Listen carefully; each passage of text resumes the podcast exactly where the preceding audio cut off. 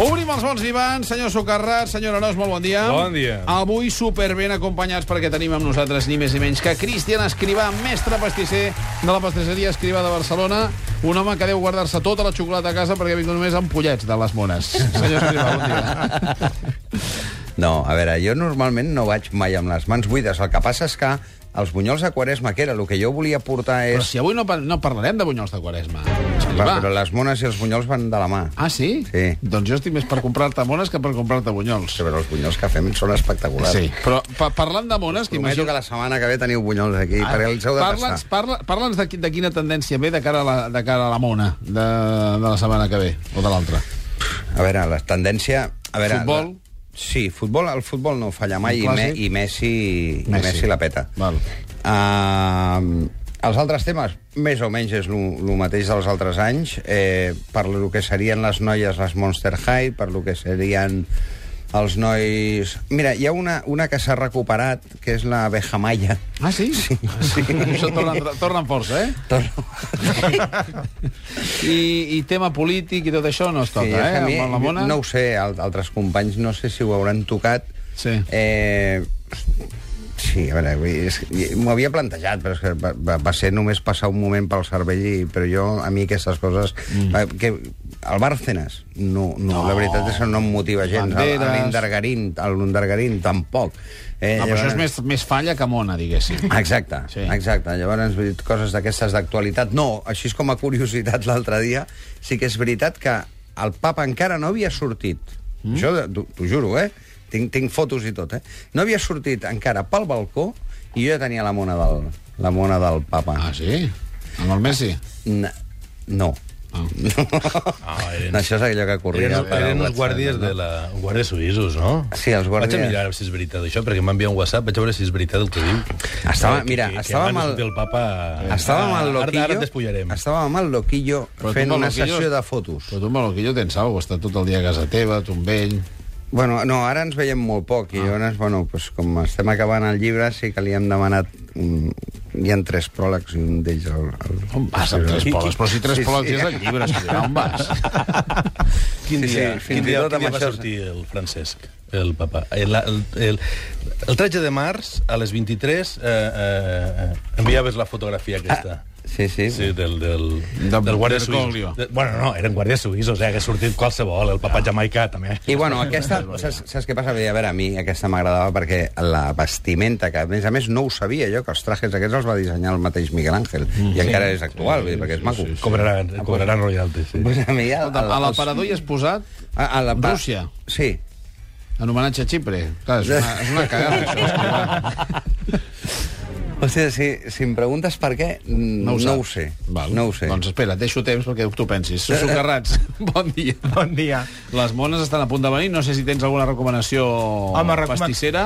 Sí, jo, jo em proposava una, ja sabent que venia aquí el, el Cristian, doncs sortir de Barcelona, anar en aquest cas a Castellterçol a, a conèixer l'Elias Miró i la seva pastisseria, que pot ser molt clàssica, i després té aquesta part de xocolata que ell signa amb una marca que es diu Exqui- Exquisitem, eh, que és un treball de xocolata molt ben fet, amb, Bo, bo. boníssima, Sí. a mi la vaig tastar fa poc. Jo concretament em vaig tastar tres que us recomano. Una era una rajola salada, Mhm. que era xocolata negra amb blat de moro, cacauets i sal maldon.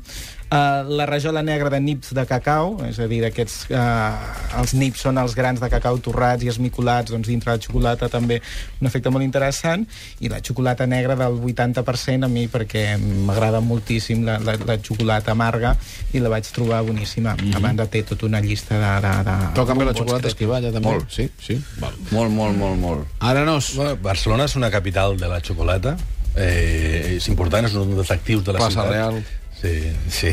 De l'altra també. És, és un actiu, és un actiu per vendre, que a vegades no, no, no es valora prou. Quan es pensa, aquí tenim uns mestres xocolaters brutals, que és una referència absoluta. En, en tota Europa, no sé si n'hi ha moltes, a més dels clàssics belgues, tot això, eh, ciutats eh, que tinguin aquesta ambició, aquesta voluntat xocolatera, per exemple, el Museu de la Xocolata, i és una cosa eh, molt atractiva.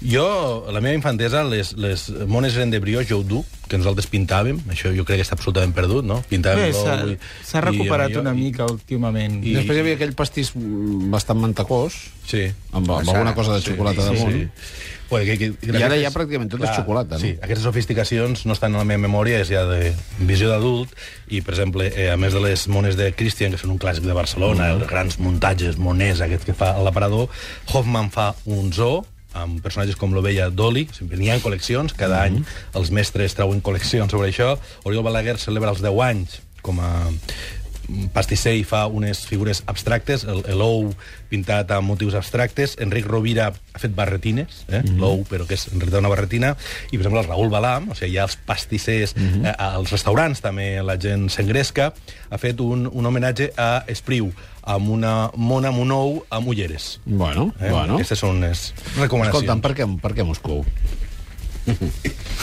A veure, eh, jo estava esperant, esperant, esperant, esperant. Això ho faig cada any, eh? Sí. Espero, espero a veure si surt alguna allò i, i, i que sigui actualitat. Però la veritat és que tot el que hi havia era el que estàvem parlant abans i no, no em motivava gens. I l'altre dia venen els dos... dos jo, jo sempre dic que, que tinc els dos millors tios del món mm, per aquest tipus de feina. Un és el, el Daniel- Daniel Domínguez i l'altre és l'Òscar Hernández. Fa anys que treballen amb nosaltres.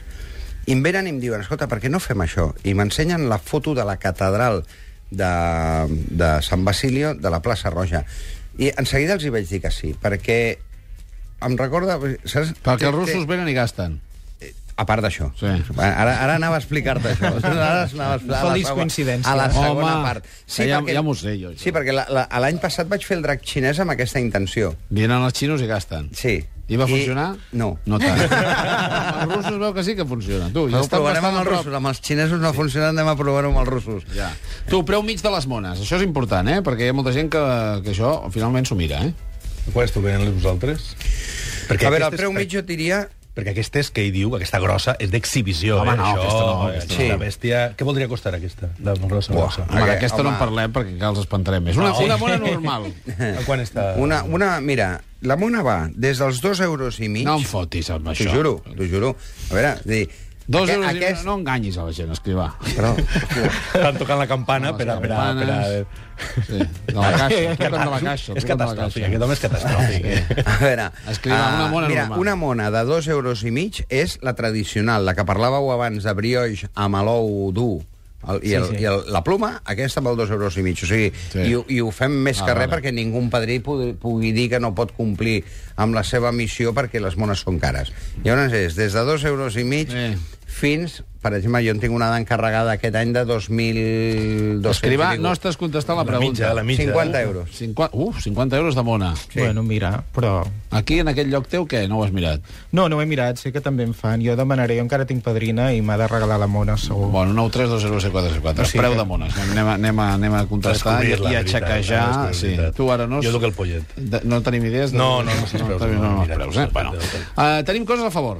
Cosa a favor. Eh, mira, eh, mirar Barcelona amb ulls de turistes. A vegades n'hi ha restaurants com Casa Calvet, que és un dels restaurants més singulars de la ciutat, situat precisament a Casa Calvet, al número 48 del carrer Casp, un edifici de Gaudí del 1899. I entrar-hi és passar a un altre temps, a una altra època.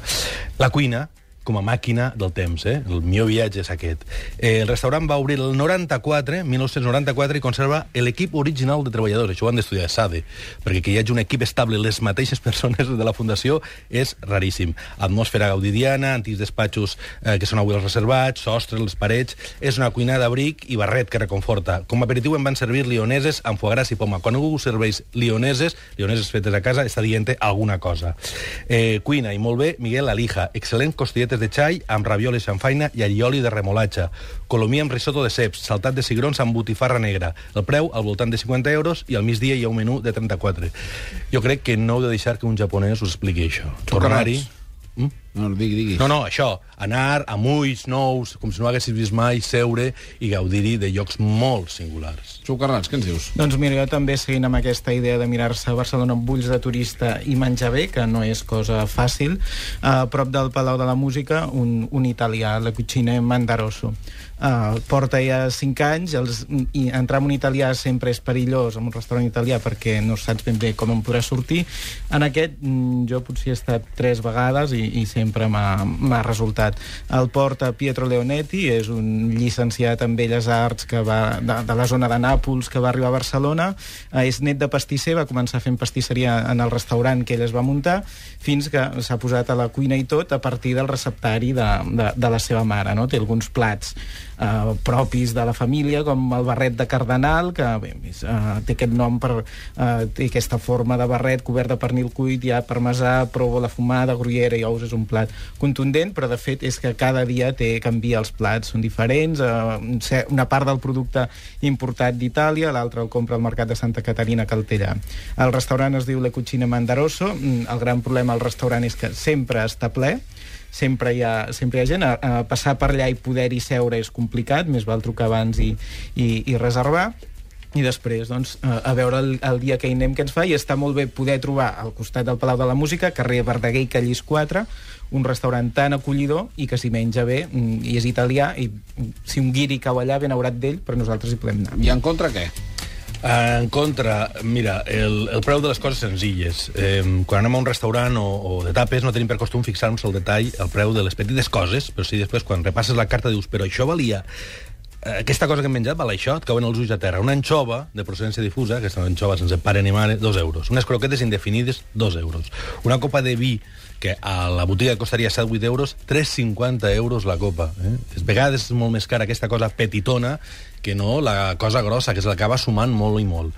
L'altre dia, amb un, menjant un entrepà, una granja al passeig Sant Joan, eh, un entrepà que es deia Noruego, dues llesques de pa negre i dues tiretes de salmó, però dues tiretes de salmó minúscules, crema de formatge i una mica de verd, 7,40 euros. Sé com pot costar un entrepà desgraciadet 7,40 euros. Amb aigua i un cafè, 10 euros, que és el preu d'un menú. Mm -hmm. Però quan estàs allí, i això demanes jo, unes anxoves, i les anxoves costen això, dos euros. Però com pot costar una sola anxova, si fos una gran anxova, Sant Filip o aquestes grosses que hem parlat, però pot costar una, una llauna d'escopinyes. Tu vas a un lloc, t'obren la llauna d'escopinyes, estàs pagant en seguida 5, 6, 7... No pot ser. Eh, eh, eh, Això cal revisar-ho, eh? Cal revisar-ho tot. El, els marges aquests eh, amb alguns tipus de productes sí que és una mica escandalós. Escolta'm, sobre les mones i la crisi, es notarà o al final els padrins, d'una manera o d'una altra... Home, sí que es nota. Sí que es nota, però, mira, curiosament, jo parlo per mi, eh? eh sembla que aquest any s'hagi estabilitzat. Però sí, sí, clar que es nota. Sobretot es nota amb els tamanys. Ja. La qüestió és... Complir... Segurament veneu les mateixes mones, sí. però es factura menys. O no? Sí, o també... sí, sí, sí. Uh, jo, de totes maneres, porto temps recomanant als padrins de que no comencin per el barco pirata, per entendre'ns. Ja. Saps? Allò comença fluixet, perquè et queden 12 anys per davant. si no, clar, acabes com aquest que s'ha de gastar 2.200 euros. Escolta, i per 2.200 euros què li dones? Pues una mona quasi com jo. Sí? Vas tu, vas tu. La mona, La mona ets tu. De xocolata. No, en aquest cas és un, és un castell d'aquest de les princeses. Sí? I són tres nenes que ho celebren a, a la vegada. Ah, bueno, més barat. No, no, però la de 700 euros la nena, déu nhi també, eh? Però 800. són d'aquí? Són clients d'aquí? Sí. No són russos. No. No. Els no. russos es queden la d'aparador. Eh? Sí. Socarrats, A favor o en contra? en contra, estem acabant. Estem en contra. El carrer Blai de Barcelona, que hi he tingut molt mala sort. És un dels carrers eh, del Poble Sec eh, més referents en, en, en terrasses i bars i tapes i coses d'aquestes. Eh, els meus amics del Poble Sec em volen portar sempre un bar que es diu Blai Tonight. Sempre que he anat està ple. No hi he pogut entrar mai, per tant no sé si es vol donar perquè sempre està ple. M'estressa una mica. Eh, un dia fent la ruta de les tapes que et venen dur una tapa i una canya per dos euros vam acabar en un bar que es diu Mango Rosa. El cuiner em va... mm, ai, El, el cambrer, perdó, em va tirar pel damunt quatre ampolles de vi negre damunt, quatre copes de vi negre damunt... Quatre ampolles. bueno, Això ja seria màxim. Però quatre copes damunt d'un jersei clar doncs van tenir el seu efecte. I després un altre dia que també tot estava ple, eh, vam posar-nos en una tratoria i el pomodoro va ser tan desastrós que va sortir del propi staff de la, de la tratoria de convidar-nos a tot el sopar perquè no es podia pagar. Aquí sí que vull dir que van tenir la decència de convidar-nos sense haver-ho demanat i que després ens van confessar que era el primer dia del local, de manera que potser ha millorat molt, segurament ha millorat. Mm -hmm. I hi hauria de tornar i no sé. Però Va. bé, mm, hi ha un cert risc també en anar a aquest carrer. L'última, que és ràpida, Sí. sí. la trieu vosaltres. Sí, jo vull parlar-hi de la revitalització del món de la bodega, que és espectacular, un món crepuscular que revifa, i dintre d'aquest moviment el vermut. A mi m'agrada el de Casa Mariol, una bodega familiar a la Terra Alta, que de- està, en, està en mans de les noves generacions, eh, millora moltíssim. Vermut aquest, 7 euros. Socarrats. Eh, Estan d'acord amb aquest vermut, doncs l'acompanyem amb unes bones navalles, navalles espinaler, no són de les tapes baratetes, i valen 11 euros la, la, la, la, la, la llauna, però boníssimes, eh, recol·lectades a, a Galícia i escollides directament al proveïdor. Escriva, molt bona campanya, gràcies per venir i pel pollet. Molt... Bueno, el pollet el tinc jo, tu no tens res. Perdona, la setmana que ve dos esteu aquí? hi ha dos pollets. Estem aquí la setmana que ve. Una mínima pausa i arriba Sara Vares, al matí de Catalunya Ràdio.